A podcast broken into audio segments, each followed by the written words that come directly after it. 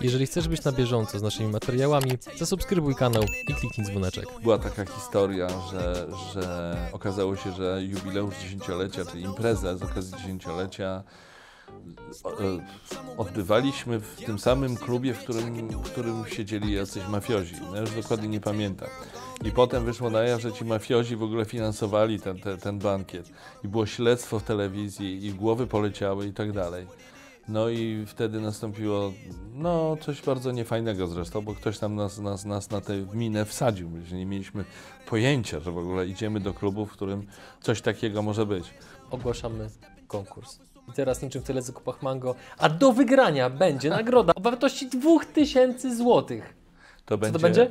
To będzie udział w szkoleniu otwartym z zakresu wystąpień publicznych. Wystąpienia publiczne, autoprezentacja z Maciejem Orłosiem. Partnerami kanału są mBank, DPD, Twoi eksperci w doręczaniu, SN Accounts, Twój księgowy w UK, Webe Partners, sieć afiliacyjna dla e-commerce. Linki do partnerów w opisie materiału.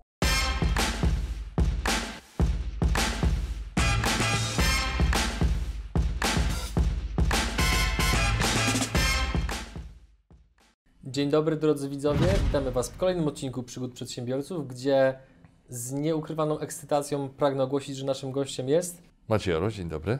legenda polskiej telewizji oraz obecnie youtuber, można tak powiedzieć.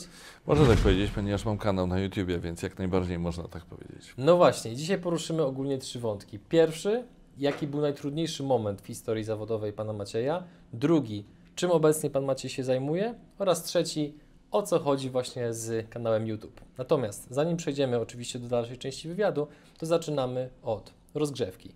Jest pan gotowy? Tak, 3, 2, 1, start. Automarzeń. Maserati. Skoro życie jest takie krótkie, dlaczego robimy tyle rzeczy, których nie lubimy? Bo nie jesteśmy wystarczająco mm, rozsądni. Czy umie pan powiedzieć nie, nawet jeśli czyni to pana niepopularnym? Y, tak umiem. Nie ma pan pieniędzy na start. Co pan robi?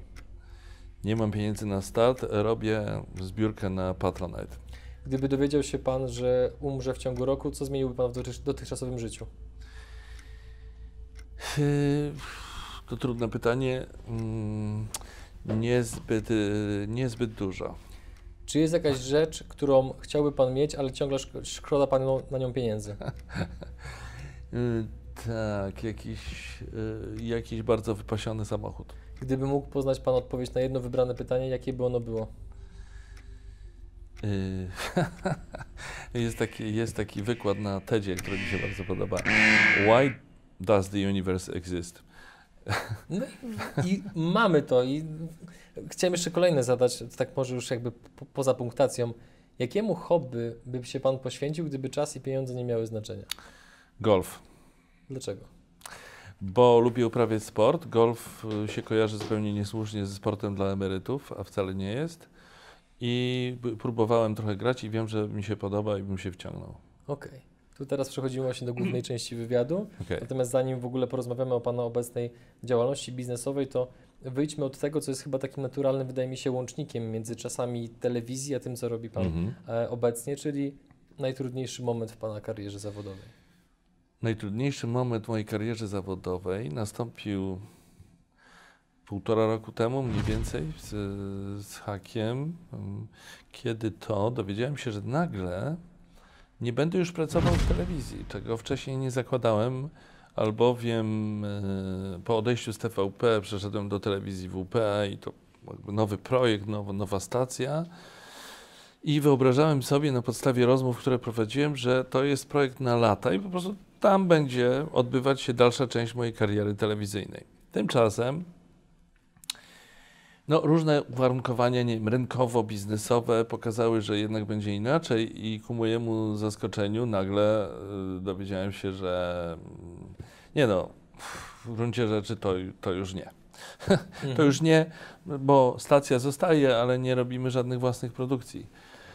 Z różnych powodów. Już nie ma sensu teraz wchodzić w szczegóły. W każdym razie i, i, i wtedy dla mnie to było takie pierwszy raz po 20 tam prawie 7 latach taki moment, że nie mam oparcia w żadnej instytucji telewizyjnej i że nagle po prostu mam funkcjonować bez telewizji. Rozumie pan? Bez telewizji. Dla mnie, człowieka telewizji, który przez 25 lat bez przerwy prowadził Teleexpress, program o ogromnej oglądalności. Potem z różnych powodów przeszedł, przeszedł do innej stacji z, z nastawieniem, że okej, okay, to, to tu będzie, będę kontynuował karierę. Więc dla mnie taka sytuacja była naprawdę czymś i nowym, i niełatwym. Mhm. Jak się pan odnalazł w tym wszystkim tak mentalnie? Na szczęście mamy mm, czasy, w których jest internet i w którym są inne możliwości i są media społecznościowe i jest YouTube i są różne inne możliwości poza telewizją, mhm. poza mediami tradycyjnymi na dotarcie z widzami, na komunikację z publicznością. Wszystko jedno, jaka to publiczność już teraz, znaczy, ale to jest jakaś publiczność. I, no i w związku z tym można to robić zupełnie niezależnie. Mhm bez związku, bez, y, bez żadnego kontraktu z jakimkolwiek, z jakimkolwiek nadawcą. No, w pewnym sensie to mm, ułatwienie. No, po prostu ja, ja stwierdziłem, no okej, okay, dobra, no, no, to, no to idę w tę stronę, mhm. ponieważ potrzebuję mieć kontakt z publicznością. Nie wyobrażam sobie tego, żeby nagle nie mieć w ogóle żadnego okienka w przestrzeni medialnej. I no i tak, i to, to, mhm. to było dla mnie to, jakby to powiedzieć, światełko w tunelu. To zanim przejdziemy właśnie do tych mediów społecznościowych między innymi, to czego, co, czego Pana nauczyła hmm. telewizja? Ogólnie ten okres. Hmm. Jakie umiejętności Pan z tego wyniósł? Jak Pan w ogóle wspomina ten czas? Telewizja, no, po pierwsze ten czas wspominam bardzo dobrze, bo to był bardzo ciekawy czas dla mnie. Y, dla mnie czas wielkiego rozwoju, nowych doświadczeń, wielkiej przygody zawodowej i w ogóle zmiany zawodu. Także no, 25 lat to jest w ogóle kawał czasu. Te 25 lat to nie tylko Teleexpress, to różnego e, rodzaju, różnego rodzaju inne formaty telewizyjne, które prowadziłem, czyli programy nagrywane y, na żywo, w plenerze, w studiu, z publicznością, bez publiczności, cykliczne, jednorazowe, o charakterze informacyjnym, czasami bardzo rzadko publicystycznym, kulturalnym, publicystyki kulturalnej. Nawet przez moment prowadziłem taki program, który się nazywał, który był programem interwencyjnym. Yy, Umknęła mi, umknęła mi nazwa tego programu, on był parę lat na antenie w telewizji. Jeżeli drodzy widzowie, wiecie co to był za program, to pomóżcie panu Maciejowi, zostawcie w komentarzu, chociaż dzięki, tego czasu sobie pan Maciej przypomni, Będę ale bardzo wdzięczny. nakarmy algorytm. Nie, dobra, to teraz nawet mhm. gdybym sobie przypomniał, to nie powiem, żeby Doskonale. to było jakieś wyzwanie dla widzów. Pewnie sobie za chwilę przypomnę. Tego była cała masa i po prostu ja się uczyłem wtedy telewizji, tego warsztatu, w różnych formułach, w różnych formatach. Y, I no po prostu to było, i, i, no to jest doświadczenie niezwykłe i wielkie, no po prostu wielkie. Mhm. No, nie, nie potrafię tego teraz inaczej. A którą przygodę pan, pamięta Pan najbardziej? Który epizod, którą sytuację? Może nie epizod, no, no, najważniejszą przygodą dla mnie, taką życiową, zawodową, był Teleexpress, no bo jednak prowadzić program informacyjny o wielkim zasięgu, z wielką publicznością, wyraźny, obecny na antenie w sposób wyraźny przez 25 lat bez przerwy, to jest coś. Mm, co się niewątpliwie wyróżnia mhm. i jest wielką wartością. I było dla mnie wielką wartością. Ja w którymś momencie nawet stwierdziłem, że ok, to jest moje miejsce, to jest moje, mój dom taki zawodowy i ja już tam będę do końca moich dni zawodowych i w ogóle wszelakich, bo, przepraszam, robiłem z tego mhm. walor, wartość. Warto, wartością jest ta ciągłość, jest to przywiązanie z, tak. z, z, z, miejscem na antenie, z formułą, z programem i to jest wartość zarówno dla widzów, jak i dla mnie. To teraz to pytanie może być troszeczkę niegrzeczne, ale muszę je zadać. W razie czego się wkurzę i wyjdę z tego studia.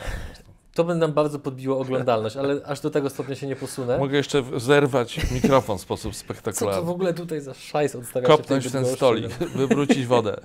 E, okay. Pytanie brzmi, no bo robił to pan hmm. ćwierć wieku, to jest ogromny kawał czasu, więc tak. z pana perspektywy, co takiego pan robił, że mówiąc wprost, pana twarz się nie znudziła, tylko że był pan takim wręcz Teleexpress równał się pan. No w ogóle nie jest niegrzeczne pytanie, to jest bardzo miłe pytanie. Co ja takiego robiłem? Yy, Po pierwsze, pracowałem w świetnym zespole i miałem świetnych nauczycieli. Na przykład yy, Sławomir Kozłowski, wieloletni tekściarz, wydawca tego programu i on mi podpowiadał, podrzucał mi czasami jakieś pomysły, kiedy, czasami, często, kiedy, kiedy nie miałem pomysłu właśnie na, na jakąś puentę, na jakieś... To był właśnie on. Yy, I yy, no, tego, takiego programu nie robi się samemu, więc jest potrzebny zespół. I zespół był świetny. No, oczywiście nie był stały, to nie jest, to nie, jest niemożliwe, że przez 25 lat ciągle byli ci sami ludzie. Zmieniali się, ró- różne były rotacje, była część stała tego zespołu, taka, taki trzon powiedzmy. Więc to jest pierwsza sprawa. Po drugie, zawsze jak ognia bałem się rutyny. Yy, rutyny takiej źle rozumianej. Nie wiem, czy mamy jakieś w ogóle pozytywne znaczenie tego słowa, ale rutyny, ma- zmanierowania czegoś takiego, co by podawało, znaczy to by było bez sensu. Trzeba by było wtedy zmienić zawód, y, odejść z tego programu, czy z jakiegokolwiek. Nikomu nie życzę czegoś takiego, że takie, o Boże, znowu muszę iść do roboty, znowu muszę napisać te teksty, a trzeba będzie się wysilić i tam odbębnić ten program.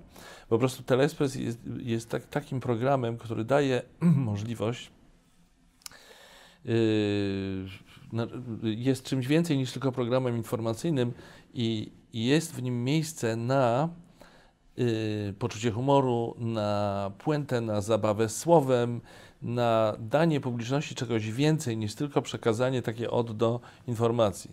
I tylko dzięki temu, że ten program jest właśnie taki, ja tam byłem w stanie być przez 25 lat i z takim poczuciem, że zawsze to jest dla mnie wyzwanie, to jest, to jest coś, co mnie kręci. Mhm. Czy miał Pan okres wody sodowej w swojej karierze? No bo wykonywał Pan zawód, który dawał gigantyczną rozpoznawalność. A na taką rozpoznawalność ludzka psychika reaguje w różny sposób. Historia zna masę tego typu przykładów. Czy miał Pan taki moment, że ktoś musiał Pana sprowadzić na ziemię lekko? Eee, nie. Dla, dlaczego? Próbuję uwierzyć. I- Nie, znaczy by, być może miałem taki moment, że mi się wydawało, że ja już jestem po prostu, wiem wszystko, osiągnąłem wszystko, jestem na samym szczycie, i, ale to był krótki moment i on nie był związany z wodą sodową. Miałem takie coś w głowie, że o kurczę, no naprawdę, jedna nagroda, druga nagroda, odznaczenie państwowe, no po prostu, czy jest coś jeszcze wyżej? Ale y, jeśli chodzi o sodówę, to ja odwrotnie, wręcz można powiedzieć, że przesadzałem z tym. To znaczy, że na przykład jeśli operator y, zaczął, zasnął w studiu podczas emisji i słyszałem jego chrapanie, to ja nie robiłem awantury. Ja udawałem, Naprawdę że to nie słyszę. sytuacje? Czasami, bardzo rzadko, czasami. Albo ktoś coś schrzanił yy, i był Że jakiś... stół jest brudny. Takie wtrącenie. No właśnie, że stół jest brudny, albo że, y, no właśnie, nie, nie, znajdzie, nie znajdziecie na y, YouTubie filmiku z, z moim udziałem dotyczącego stołu brudnego, ale, ale, że nie wiem, była jakaś pomyłka w programie, ktoś coś źle zrobił, ja przez to musiałem się gimnastykować na antenie i prostować czyjeś błędy, nie robiłem awantury. Właśnie dlatego, w dużym stopniu, żeby ktoś nie pomyślał, że mi woda sodowa mm, odbiła, czy jak to się Mhm. mówi, Mhm. że mam wodę sodową, że mi sodowa odbiła, że, że, mm, że już gwiazdorze, prawda? Właśnie Mhm. miałem cały czas, ponieważ strasznie tego nie lubię u innych, to cały czas miałem w głowie to, Boże, żeby, żebym ja tylko taki nie był, żeby mi, mi się coś takiego nie przytrafiło, więc zawsze chciałem być mm, normalny, normalnie się zachowywać wobec ludzi, być przyjaznym, i tak, ale ponieważ taki jestem z natury, to nie, nie był to dla mnie żaden problem. Ja Mhm. po prostu lubię, ja jestem blisko ludzi. To drążąc troszeczkę temat, co w takim razie w czasie kariery zawodowej w Teleekspresie wyprowadzało Macieja Orłosia z równowagi? No musiało coś takiego być.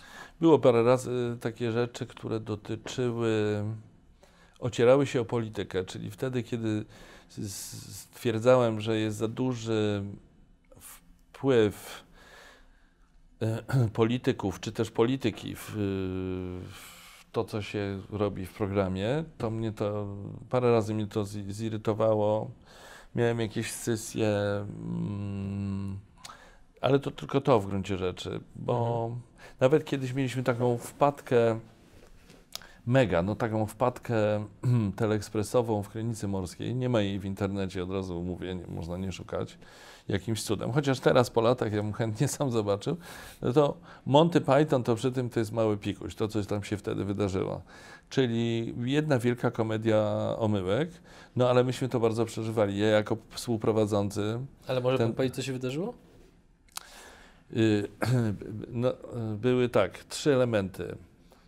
Y, Drukarka, która za wolno y, pracowała, wozy transmisyjne dwa, które były ze sobą nieodpowiednio złączone i brak próby generalnej. A odbywało się to w dwóch miejscach, na, na ulicy Telekspresu w Krynicy Morskiej oraz na plaży w Krynicy Morskiej. I było dużo elementów. Był, była orkiestra, którą tam zapowiadał Marek Sierocki. Były materiały, które trzeba było wypuścić. By, by, by, był tam jakiś desant jakiejś jednostki nad, przygranicznej. Coś jeszcze. Plan, y, y, nie wiem, jeden z prezenterów zakopany po, po głowę w piasku. Ja już dokładnie nie pamiętam. W każdym razie scenariusz był bardzo bogaty. Natomiast chodzi o to, że zaczęliśmy z opóźnieniem emisję właśnie dlatego, że drukarka za, za wolno drukowała materiały, więc kilka minut opóźnienia programu na żywo to jest katastrofa, to jest po prostu, to się nie dzieje. I to był początek tego złego, co się zdarzyło później. A później zdarzyło się tak, że w którymś momencie yy, nic nie było tak, jak było zaplanowane. Mhm. Wszyscy się pogubili. Ja pierwszy i jedyny odpukać raz miałem taką sytuację, że wszedłem w miejsce akcji podczas programu na żywo i ktoś mi powiedział: Jesteście na antenie, a ja miałem ochotę powiedzieć: So what? Coś więcej na ten temat? Bo nie wiedziałem, w którym miejscu scenariusza jestem. Nic, nie miałem żadnej informacji. Wydaje mi się, że y, nikt z pozostałych uczestników zdarzeń też nie wiedział, łącznie z wozem transmisyjnym. Więc y, drugi raz usłyszałem, jest, jesteś na antenie. Stoję na plaży, cisza, wszyscy patrzą na mnie, a ja nie wiem, co ja mam robić. Jak ze złego snu. Więc doszło do tego w którymś momencie, że realizator załamał się tą wielką, wielką, jedną wielką katastrofą i y, zrobił ujęcie na wydmy i w, wrzucił napisy. E, I myśmy żyli w takim poczuciu katastrofy, która się wydarzyła, bo nic nie, nie było zgodne z założeniami i było to po prostu no, kabaret. No. Czy jakieś konsekwencje z tego tytułu były, czy ze strony stacji, czy ze strony widzów, jakieś powiedzmy nieprzychylnych wiadomości, czy cokolwiek, czy to po prostu tylko był taki dramat w waszych głowach? Najpierw był przez y, półtora dnia dramat w naszych głowach oraz w redakcji. Y, potem wiem, że były jakieś konsekwencje, ale one mnie nie dotknęły, no bo one nie wiem kogo dotknęły, nie wiem, były próby wyjaśniania. No i, i tak. No. Mhm. Z takich sytuacji kryzysowych, no to niewątpliwie było dziesięciolecie Teleekspresu i cała historia z, z klubem Dekadent, gdzie pisano, to już mało kto to pamięta, ty pewnie nie pamiętasz, bo, bo wtedy chodziłeś do, do przedszkola, Bardzo możliwe. No. tak? W każdym razie była taka historia, że, że okazało się, że jubileusz dziesięciolecia, czyli imprezę z okazji dziesięciolecia e, odbywaliśmy w tym samym klubie, w którym, w którym siedzieli jacyś mafiozi. Ja już dokładnie nie pamiętam. I potem wyszło na jaw, że ci mafiozi w ogóle finansowali ten, ten, ten bankiet. I było śledztwo w telewizji, i głowy poleciały i tak dalej. No i wtedy nastąpiło no, coś bardzo niefajnego zresztą, bo ktoś tam nas, nas, nas na tę minę wsadził. My nie mieliśmy pojęcia, że w ogóle idziemy do klubu, w którym coś takiego może być. Także były po drodze. Zresztą z, no, no trudno, żeby się nic nie wydarzyło przez, przez y, 25 lat programu. Znaczy, żeby nie było wpadek. To jest w końcu program na żywo. Był i Mhm. jest program na żywo. Żeby nie było różnych jakichś innych historii, które, które zahaczają o telewizję, o, politykę, skoro Teleekspres to program na antenie TVP. A jak wiadomo, TVP, czyli z nazwy telewizja publiczna, od 1989 roku nigdy nie została, czy w ogóle media publiczne nie zostały zabezpieczone, odgrodzone od polityków jakąś dobrą ustawą. Czyli ciągle są narażone, bardzo wrażliwe na zmiany w, na scenie politycznej. I co zmiana, to od razu ona się przekłada. I politycy, siu.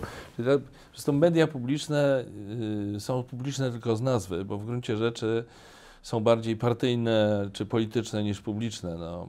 Są pewne obszary, które się przed tym mniej lub bardziej bronią, ale i okresy mniejszy, mniejszych lub większych wpływów polityków, ale niestety należymy do no, ogona Europy, jeśli o to chodzi. Jeśli chodzi o media publiczne, to jesteśmy po prostu na szarym końcu.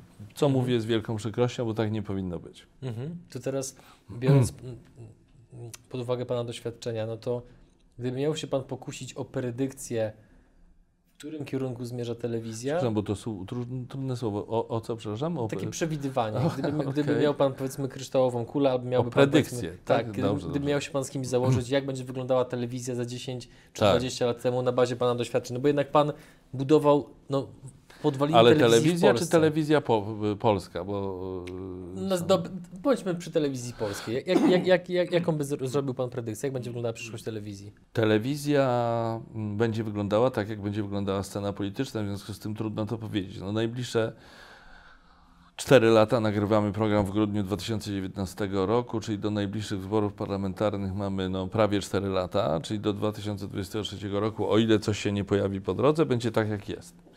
Z grubsza rzecz biorąc. Y, Czyli będziemy mieli zdecydowaną przewagę jednej, znaczy ewidentną, totalną dominację jednej strony sceny politycznej, która sobie zawłaszczyła media publiczne, mając do tego narzędzia i mając y, pewne swoje argumenty, z którymi się można zgadzać, ale można się też nie zgadzać. Ja się z nimi akurat nie zgadzam. I tak to będzie wyglądało.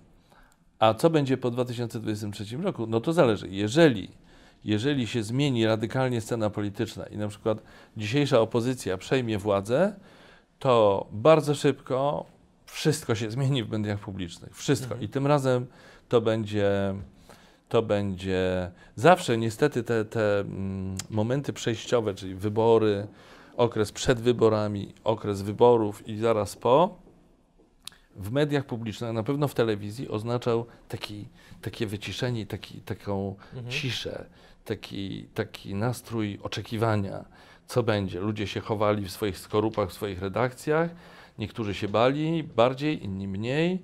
Co będzie po wyborach, czy, ja, czy mnie wywalą i jak szybko mnie wywalą, bo to zależy od tego, kto przejmie władzę. No to teraz, jeżeli, jeżeli przejmie władzę opozycja, to jestem głęboko przekonany, że nastąpi, że jak mówi się o tak zwanej, nazywa się to miotłą, tak? Że ta miotła to będzie, kurczę, gigantycznym odkurzaczem, który po prostu Mhm. wymiecie y, i to już tak y, no, na, na grubo, można powiedzieć, i, i wprowadzi swoje porządki, co wcale mnie tak bardzo nie cieszy, bo tak nie powinno być w ogóle. Że media publiczne powinny być chronione przed właśnie tymi miotłami związanymi z polityką i nie powinno być żadnych sytuacji odwetowych, nie powinno być Mhm. zawłaszczania tych mediów i programów i całych anten przez y, konkretne ugrupowania. To mamy Tylko- aspekt polityczny. A jakby Pan spojrzał na z kolei na taką powiedzmy konsumpcję mediów pod kątem No tak, no to teraz potrzeb mówimy- widzów, czy właśnie tak, telewizji bo- na żądanie i tak dalej. No nie, bo mówiłeś, możemy mówić sobie na te? No bo na, na, Adrian. na YouTubie, Maciej, Cześć, Maciej. na YouTubie per pan, Mamo, do Macieja Orłosia jestem na ty. Ogarniasz to? Ale jak kończymy nagranie, to od razu... pan. Nie, żartuję. A więc, y, no, zapytałeś o, me, o media, telewizję Tak, tak, polską, więc mówiłem pod tym kątem. Jasne. A jeśli chodzi o to, mi się wydaje, że telewizja zostanie w pewnym wymiarze. To jest tak jak kiedyś myślano, że kina mm, znikną, jak wprowadzono VHS-y i y, się pojawiło wideo, bo ludzie będą siedzieć w domu i sobie oglądać wszystko y, na wideo. Tymczasem ludzie potrzebują wyjść, pójść, kupić popcorn, spotkać się ze znajomymi. Cały rytuał. Cały rytuał, łącznie z, z reklamami. I, I kina nie zniknęły, a, ale w domu też oglądają filmy, więc jedno z drugim. I tak samo tutaj będzie internet, a telewizja prawdopodobnie nie zniknie, bo ona jest potrzebna do różnych formatów, któ- takich jak widowiska sportowe, takie jak talent shows, y, showy, takie jak programy informacyjne, które pewnie można by było zrobić, ale y, gdzieś na YouTubie, ale to są tak duże budżety, że tylko najwięksi gracze mogą sobie pozwolić na takie historie. I poza tym telewizja jest ludziom potrzebna do, te, do sytuacji to, socjalnych, towarzyskich. To znaczy, internet oglądamy na ogół indywidualnie. W smartfonie na przykład, siedząc gdzieś tam, albo przed komputerem, zamknięci we własnym pokoju. Ja sam na sam z moim komputerem. A telewizja. Przed, tele, przed telewizorem zasiadamy sobie z, z rodziną, wraz z rodziną, z najbliższymi stawiamy sobie może jakieś orzeszki czy coś tam, to już zależy, i oglądamy razem jakiś program, który chcemy razem obejrzeć, sobie go komentujemy i omawiamy i mamy wspólne emocje, na przykład mecz. I, i to, do tego telewizja jest bardzo potrzebna. Mhm. Okej, okay. to teraz tak, temat telewizji mamy zamknięty i teraz przechodzimy płynnie do YouTube'a. Jak to się stało, że założyłeś kanał na YouTubie? Co jest celem? Jakie tam są materiały? Co tam mogą widzowie znaleźć? Zapraszam bardzo serdecznie na moim kanale na YouTubie.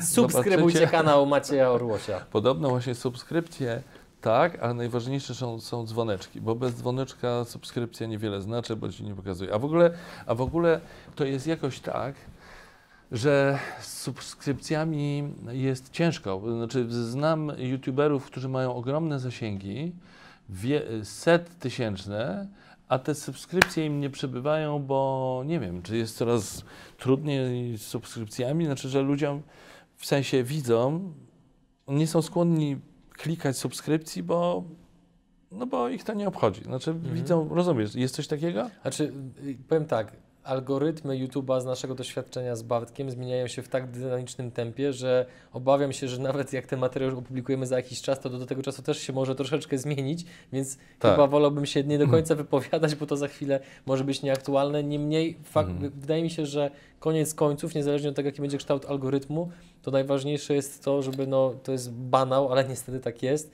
żeby treść była dopasowana do potrzeb odbiorcy. Więc taka komunikacja dwustronna, że tego odbiorcy naprawdę pytamy się, słuchaj, co chcesz usłyszeć, o czym, w jaki sposób i dopasowywać to troszeczkę pod niego, to jest po prostu złoty środek.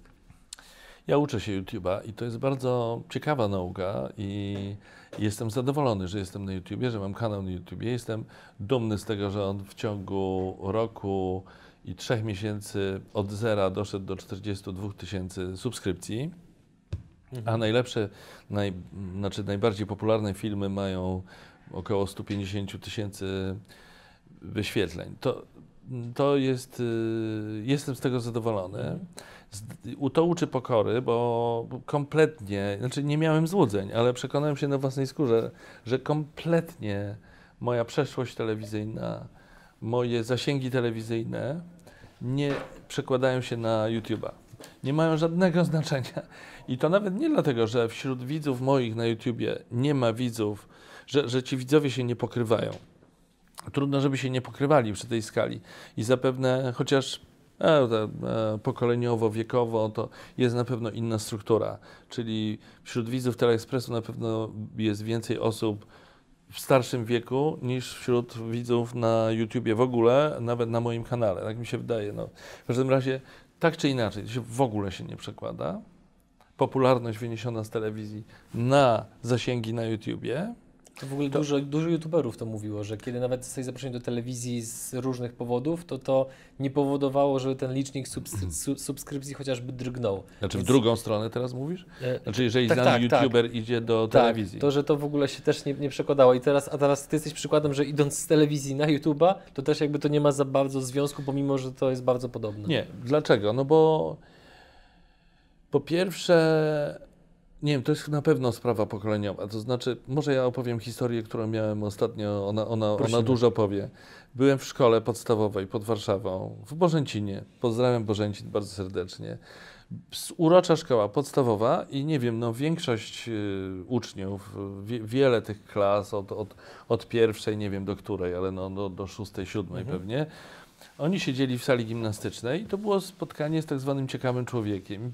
Zostałem przedstawiony przez panią dyrektor jako człowiek telewizji, nagrody, autor książek dla dzieci, coś tam jeszcze, coś tam jeszcze.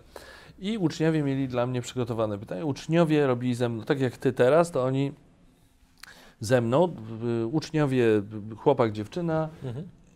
Rozumiesz, sala gimnastyczna, kilkaset uczniów i nauczyciele i tak dalej. I ja odpowiadam na te pytania, mówię im trochę o smartfonach, żeby za dużo nie siedzieli, żeby wzrok oszczędzać i żeby to z umiarem. Mówię tam trochę o książkach, robię interakcje, żeby te dzieci jakoś zaangażować i czasami się udaje, bardziej lub mniej. O telewizji, no to tam były jakieś pytania od tych, od tych prowadzących, ale, ale tak to leci i w którymś momencie, w którymś momencie wspomniałem o YouTubie, że mam kanał na YouTubie i zauważyłem, że te dzieci, tak jak niektóre nie uważały, że coś, to nagle zrobiła się cisza i one wszystkie tak What? Co, co, co, co? Ktoś powiedział, ma pan kanał na YouTubie? O, o, takie poruszenie między sobą, rozumiesz? Kanał, patrz, kanał na YouTubie ma. E, Okej, a jak się pan na YouTubie nazywa? Ja mówię, no Maciej Orlos po prostu. Okej, okej, okej. To dzisiaj pana polubię tam, że e, dam. E, A ile ma pan subskrypcji? E, 41 tysięcy. Szoku doznały te dzieci. I słuchajcie, i słuchaj, po, po, po tym spotkaniu ustawiła się do mnie kolejka dzieci, po autografy, po wspólne zdjęcia i do tej pory lajkują mi moje filmy i pozdrawiają z Bożęcina. I to jest Znak To jest- czasów. znak czasów. Gdyby nie to, te dzieci, dla nich ja już y, jestem abstrakcją, bo one nie oglądają telewizji, być może nie oglądały, kiedy ja jeszcze tam byłem. W każdym razie ja nabrałem szacunku, kiedy się dowiedziały, że jestem youtuberem. Także wiesz, to, to, to jest niesamowite, jaki to jest, jaki to jest, jaka to jest zmiana i nowe, inne medium. A co pana, przepraszam, co ciebie przekonało do tego, żeby na tego YouTube'a wejść? No bo pomimo wszystko to nie jest jeszcze powszechne zjawisko wśród powiedzmy e, polskich e, tutaj rozpoznawalnych twarzy, żeby na tego YouTube'a wchodzić. To jest jakby wciąż zjawisko mimo wszystko niszowe. Po pierwsze, kiedy się okazało, że ja już nie będę występował w żadnej telewizji na stałe, to niezależnie od y, myślenia, co dalej kontekście telewizji, stwierdziłem, że trzeba sobie robić alternatywny kanał dotarcia do widzów. No więc zaczęliśmy od, y, mówię w liczbie mnogiej, bo żona, moja żona mnie bardzo tutaj inspirowała. Super. Hej, hej, rób coś, rób coś. No tutaj ten jest, co mamy? Facebook. Masz Facebooka? Masz Facebooka. Robimy z Facebook. Spotkaliśmy się z Moniką Czaplicką, taką y, świetną ekspertką od, od mediów Znana społecznościowych. Tak.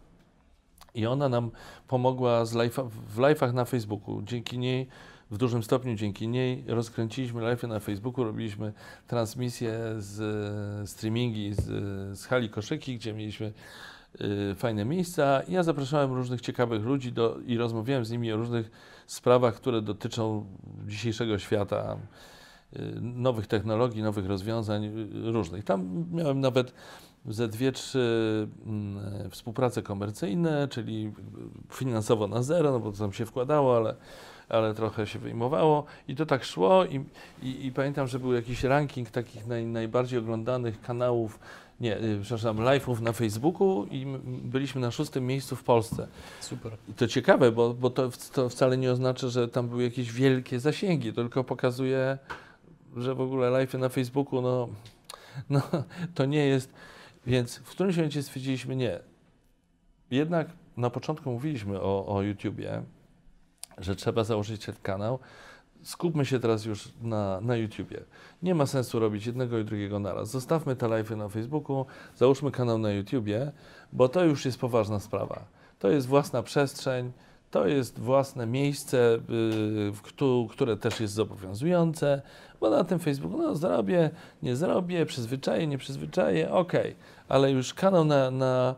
Ja tak czułem i tak mi doradzano. I, I uruchomiliśmy ten kanał na YouTubie, a mnie to było potrzebne do tego, żeby mieć po prostu to okienko do komunikacji, do kontaktu z widzami, do tego, żeby im no, no właśnie, i, i pojawił się pewien e, znak zapytania, co to ma być. Jaki ma być ten content, tak Mhm. zwany. No właśnie.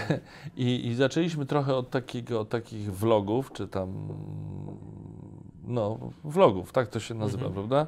Ja, ja sam przed kamerą opowiadałem o jakichś różnych swoich zdarzeniach z przeszłości, a to o wpadkach w telewizji, a to o, o jakichś moich przygodach filmowych, a to jeszcze tam o jakichś Mhm. rzeczach. Potem się pojawili goście i stwierdziliśmy, że jednak trzeba postawić na gości i może od czasu do czasu robić takie y, Q&A, tak zwane, że siadam. Ja to lubię zresztą i czasami to robię, ale nie na żywo, tylko, tylko nagrywane. I, mm, no i teraz głównie robię rozmowy z ludźmi mniej lub bardziej znanymi, trochę, trochę z ludźmi z YouTube'a, czyli na przykład zrobiłem z, z, z chciałem powiedzieć z Gąciarzem. Nie, z Gąciarzem jeszcze nie zrobiłem. Zrobiłem z Gimperem, zrobiłem z Martinem Statkiewiczem, zrobiłem z e, Igorem Ignacem, zrobiłem z, z Karolem Paciorkiem, zrobiłem z e, no, witaminą, czyli e, czyli Arleną Wit, wspaniała osoba. Zrobiłem z, z, z Kubą Klawiterem i Znane postacie na znane YouTube. postaci z YouTube'a i, i, i, i które zresztą na pewno pomogły mojemu kanałowi, ale zrobiłem, robię też rozmowy z artystami i, czy z ludźmi telewizji, czyli na przykład zrobiłem z Szymonem Majewskim, z Dorotą Wellman, z Markiem Niedźwieckim, z takimi legendami tele, tele, Mhm. mediów tradycyjnych, no i z artystami pokroju Zbigniewa Zamachowskiego, Emiliana Chamińskiego, Andrzeja Seweryna. Za chwilę będę nagrywał z, z Adamem Nowakiem, czyli liderem y, zespołu Raz, Dwa, Trzy i z, zrobiłem z Organkiem. I po prostu mam już, już, szczerze mówiąc, mam całkiem niezły zbiór, gwiazdozbiór na swoim kanale na YouTubie. Mhm. I czasami też z ekspertami rozmawiam, że, że z, z różnych dziedzin, gdzie tam są filmy, w których temat jest jakby no, najważniejszy i Tak. liczę na to zawsze, że on po prostu zażre. Mhm. Także yy, no i no i cóż, no, ciągle uczę się tego, że, że po prostu ciężka praca, pokora, systematyczność, cierpliwość Mhm. i powoli wyrabia się, prawda, rozpychając się trochę łokciami, bo tę przestrzeń mamy ograniczoną, ten tort do podziału jest ograniczony, więc być może ro, robię to czyimś kosztem, nie wiem. W każdym razie rozpycham się, żeby tam, tak jak wy, prawda, żeby tam swoją przestrzeń wyrobić i Mhm. żeby, żeby mieć takie stałe, stały kontakt dzięki temu z, z moimi odbiorcami. Czy w jaki sposób Twój kanał YouTube ma związek z Twoją Hmm. działalnością biznesową, którą w tej chwili prowadzisz? No bo to jest ostatni wątek, który musimy poruszyć, żeby no, zaspokoić ciekawość widzów, co w tej chwili robi zawodowo Maciej Orłoś.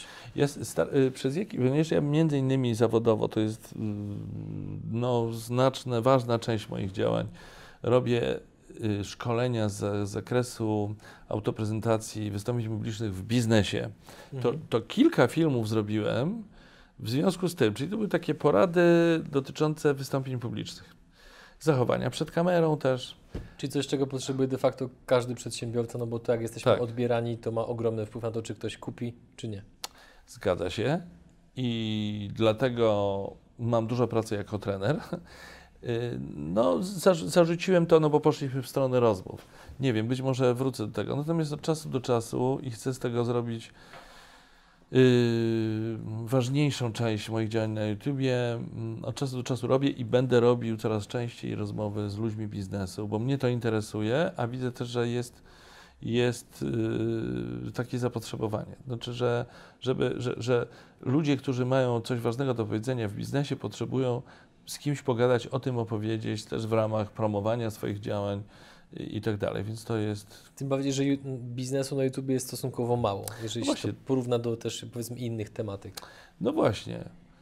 Tak mówisz, że jest mało. Ja tego nie śledziłem pod tym kątem, ale nie, nie pamiętam, kiedy widziałem jakąś treść na YouTubie My to, biznesową. my, my to widzimy zwłaszcza na podstawie tego, że jak prowadzimy kanały YouTube innym przedsiębiorcom i taki, takim standardowym elementem procesu jest to, że robimy po prostu analizę danej powiedzmy branży, jeżeli chodzi o YouTube'a, to nie zdarzyła nam się jeszcze sytuacja, takich branż już przeanalizowaliśmy chyba z 20 albo 30, nie zdarzyła nam się sytuacja, żeby powiedzieć hej, e, konkurencja w Twojej branży jest tak duża, że nie ma sensu, żebyś, nie, nie będzie jak się przebić, albo że to będzie bardzo trudne.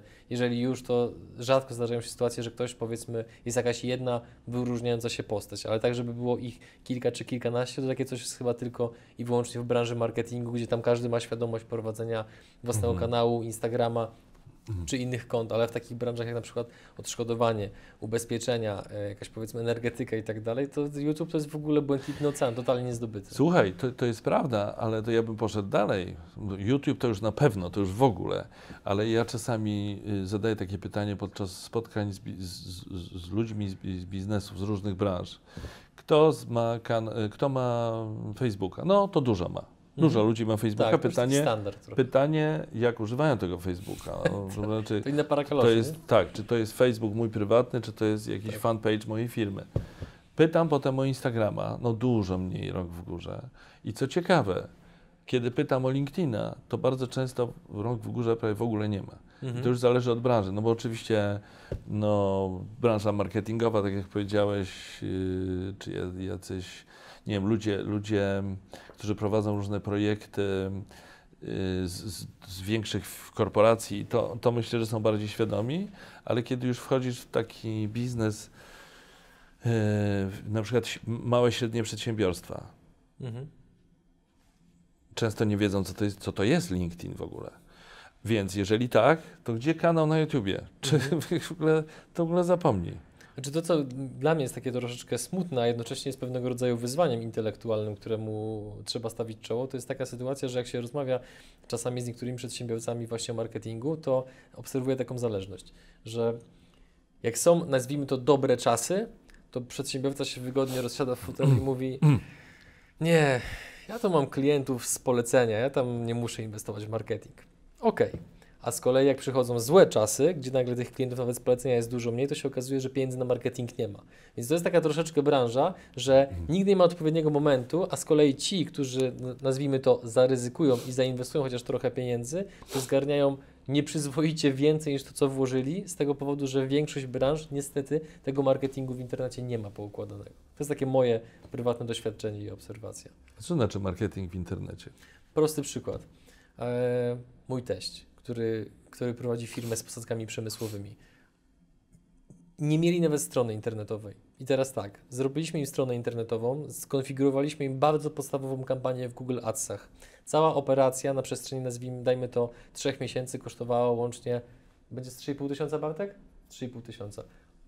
3,5 tysiąca zainwestowane, przychód wygenerowany 400 tysięcy, czystego zysku 40 tysięcy. Jestem najlepszym zięciem? Oczywiście, że jestem. Który zięć wkłada teściowi pieniądze do kieszeni, prawda? Wow. I to jest, No tak. był taki drobny przykład pokazujący, że chociażby w tej branży bardzo łatwo było znaleźć, powiedzmy, e, swoją niszę i uważam, że takich przestrzeni to w- w większości branż można je znaleźć bardzo łatwo, tylko najpierw trzeba złamać ten szyfr w postaci tego, żeby do, dotrzeć do przedsiębiorcy, hej, spróbuj z tym marketingu na zasadzie eksperymentu, zobaczymy, co się wydarzy. Mhm, mhm, Taka jest nasza obserwacja. mhm. No ciekawe, ciekawe. No nie, no, znaczy dla mnie e, marketing jest bardzo, jest oczywisty, no po prostu oczywisty. A podobno Ale też prowadzisz wydarzenia, jeżeli chodzi o Twoją działalność biznesową.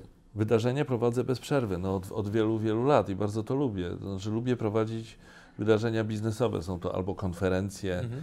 Y, w jakiejś branży, albo, e, albo jakieś gale biznesowe z nagrodami, nie wiem, w jakiejś branży, albo w jakiejś ko- korporacji, w ramach jakiejś korporacji, na przykład z zaproszonymi gośćmi. Większe, mniejsze, y, w Polsce, w Warszawie. A y, gdybyś miał ocenić, że taki organizator zatrudnia Cię do prowadzenia wydarzenia bardziej z uwagi na Twoje kompetencje i lekkość wypowiedzi pod wpływem powiedzmy pewnego rodzaju stresu, no bo jest publiczność, dużo ludzi i tak dalej, Mm. czy bardziej z uwagi na to, że masz mocne nazwisko, które może przyciągnąć jeszcze więcej ludzi? Jak byś tę proporcję określił? Bardzo ciekawe pytanie. Y, otóż i uważam, że jedno i drugie gra, i że, ale że to jest typu 50-50. Bo na pewno nie działa coś takiego, że jest nazwisko, przyjedzie nazwisko i już właściwie może nic nie robić, bo mamy sprawę załatwioną. Ważne, że jest nazwisko i wszyscy będą zadowoleni. Nie, w ogóle tak nie jest. To nazwisko musi profesjonalnie poprowadzić nam nasz event. I wtedy będziemy mieli dwa w jednym i jest super. Yy, więc i to jest absolutnie yy, jed, zero-jedynkowe. Mhm. Nie, nie, nie ma, że jeżeli nazwisko położy imprezę, to tak samo będzie to obciach i tak samo będzie afera i tak samo będzie nieprzyjemnie, jakby to położył tę aferę ktoś, kto nie ma Mhm. nazwiska. Yy, Zresztą znam różne historie o, o, o bardzo znanych nazwiskach, które popełniły jakieś poważne błędy i były bardzo nieprzyjemne sytuacje, Mhm. łącznie z, z, y, no, z odmową wypłaty wynagrodzenia. Ale się trochę nie dziwię, jak słyszałem te opowieści. Jakiś przykład?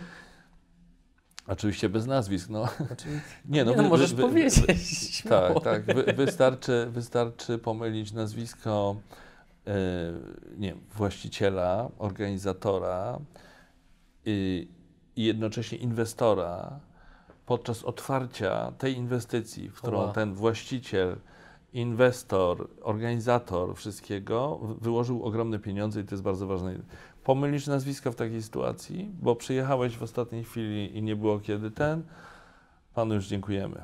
No ale to po prostu, no to jest taki elementarz. No ale słyszałem o takich sytuacjach i to Mhm. kilka razy słyszałem. Czyli to, to, to też uczy pokory. To znaczy, wiadomo, to jak ktoś pracuje na przykład w telewizji i tam jest jego główna praca, czasy hałtur się skończyły. To znaczy, takie jest moje doświadczenie. Nie ma zmiłuj. To, co robisz, musisz zrobić najbardziej profesjonalnie, jak, jak potrafisz, bo jest miło, jak wszystko się zgadza, jak ludzie są zadowoleni i ty masz też poczucie, że jesteś profesjonalistą i że nie, nie robisz hałtur. Mhm. Również z szacunku dla samego siebie. No, no to tyle mam, co mogę powiedzieć, więc już chyba odpowiedziałem na twoje Jak najbardziej. A czy, a czy zgodziłbyś się ze stwierdzeniem, że e, w momencie, jak ludzie, Mhm. załóżmy, wysyłają do Ciebie zapytanie ofertowe, Ty Tak. podajesz im cenę, to czy zgodziłbyś się ze stwierdzeniem, że fakt bycia rozpoznawalnym powoduje, że ludzie są dużo mniej skłonni do negocjacji z Tobą, jeżeli chodzi o zbijanie ceny?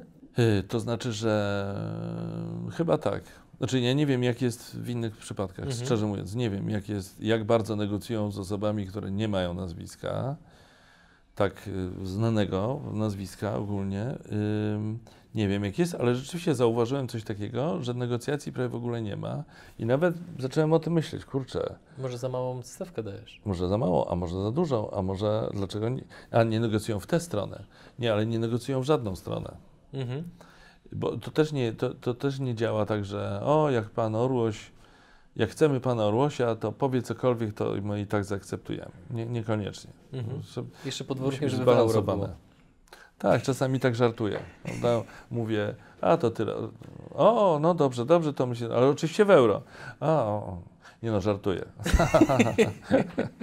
A to y, jakby stawka, którą bierzesz za taką współpracę zależy od imprezy, czy to jest stała stawka? Jak, jak, to, jak, jak to wyceniasz? Nie mam czegoś takiego jak stała stawka, ale w gruncie rzeczy wokół tego się obracamy. To znaczy ja potrafię y, zbalansować stawkę do y, przestrzeni czasowej, Mhm.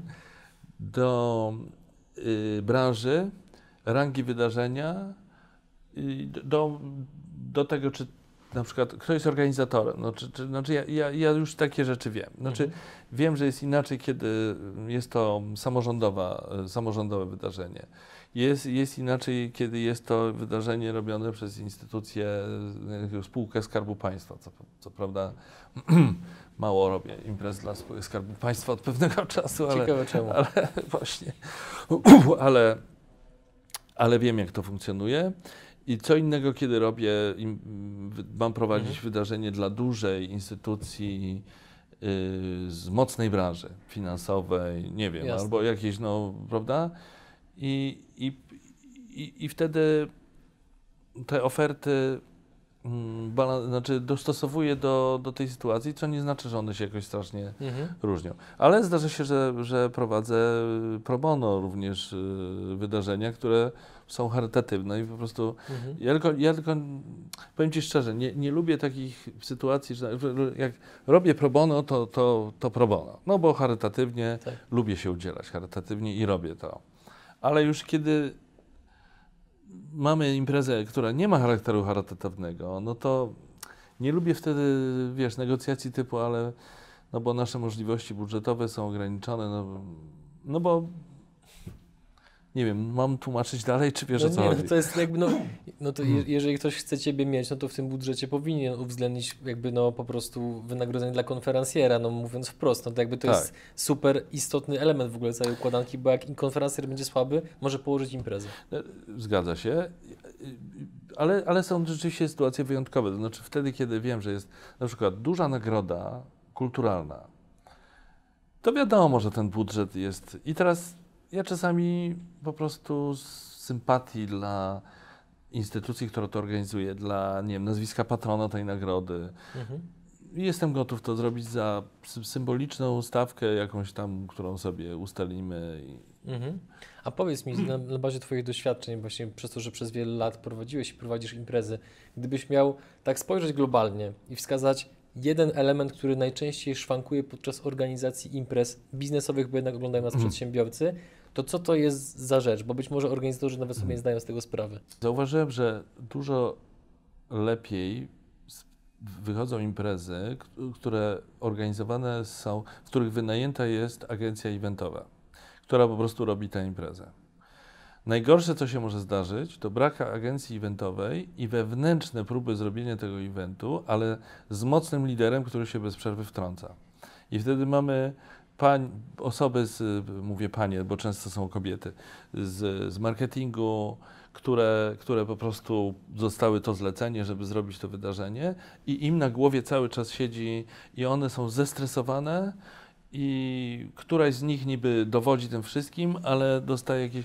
Zdarzyło mi się parę, parę takich sytuacji, takich wydarzeń. No to, to jest jedna rzecz. Mhm.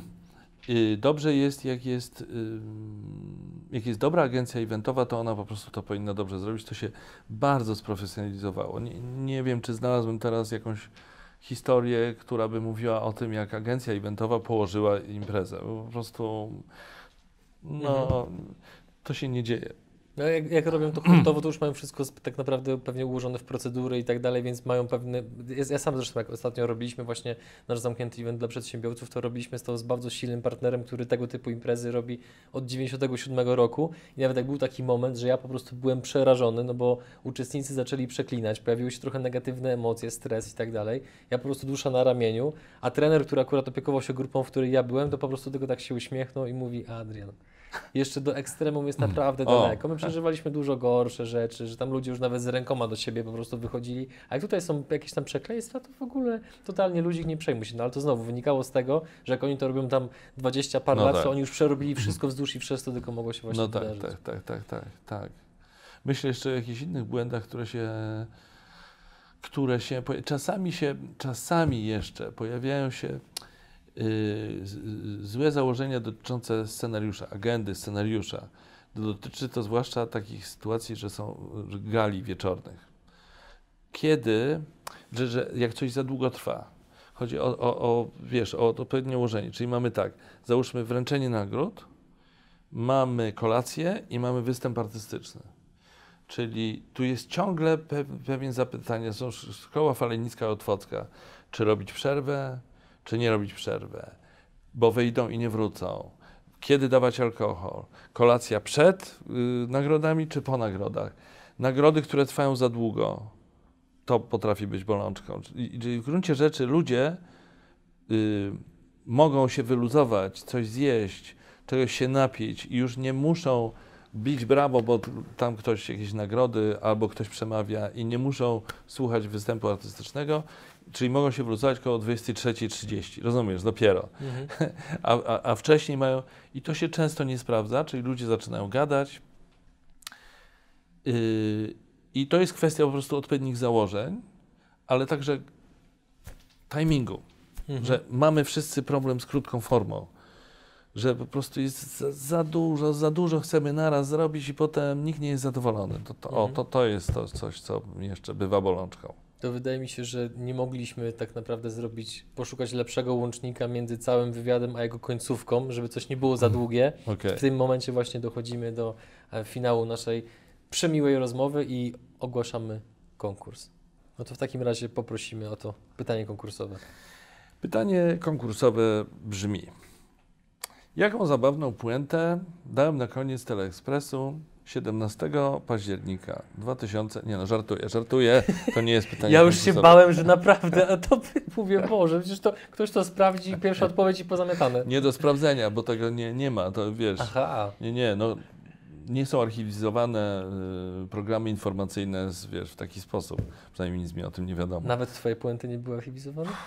Są, Szkoda. są ko- kompilacje, są kompilacje w, na YouTubie, ale, ale no, trafić akurat w ten.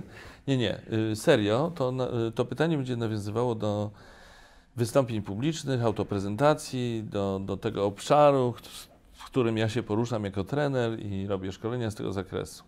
Czyli pytanie brzmi tak. Co trzeba, należy zrobić z rękami podczas mówienia do innych ludzi?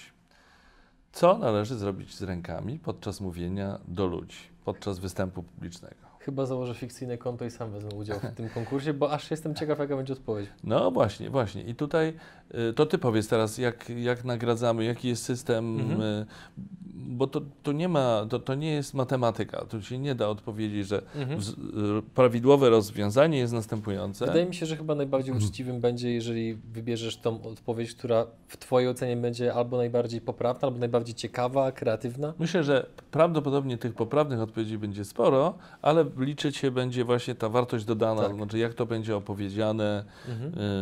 y, jaki będzie pomysł na, na odpowiedź na to pytanie. Okej. I teraz niczym w tyle zakupach Mango. A do wygrania będzie nagroda o, dwu, o wartości 2000 złotych. To Co będzie, to będzie? To będzie udział w szkoleniu otwartym z zakresu wystąpień publicznych, wystąpienia publiczne, autoprezentacja z Maciejem Orłosiem, szkolenie organizowane przez y, firmę szkoleniową Progress Project, z którą współpracuję jako trener już od y, ładnych paru lat.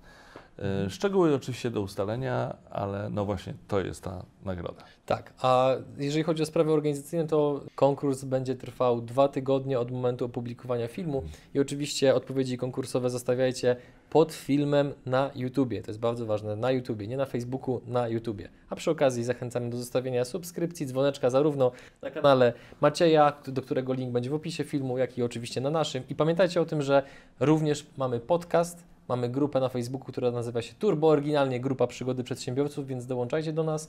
Macieju, z jaką myślą nas zostawisz na koniec? Dawno tego nie było, nie Bartek? Y, y, Mogę zostawić Was taką myślą, która do, dotyczy różnych sytuacji, mówienia do innych ludzi, tak w ogóle. Czyli każdy człowiek, który mówi do innych ludzi, powinien mówić do rzeczy, ale przede wszystkim do ludzi. A więc musi być merytoryczny, ale musi mówić ciekawie, czyli musi w sposób atrakcyjny opakowywać treści. I tego życzymy wszystkim, bo czasami jak właśnie ktoś zacznie lać wodę, teoretyzować i nie ma tej lekkości wypowiedzi i nie umie czasami wpleść żartu dla rozluźnienia, to faktycznie słucha się ciężko. Przykład, niektórzy wykładowcy na uczelniach wyższych. Słyszałem, że niektórzy nawet sami zasypiają podczas własnego wykładu. Macieju, dziękujemy Ci za Ja poświęcony dziękuję. czas. Bardzo miło nam było Cię gościć w studiu i mam nadzieję, że do zobaczenia w przyszłości w przestrzeni YouTube'owej i nie tylko. Ja również. Bardzo dziękuję za rozmowę. Dzięki. Dzięki.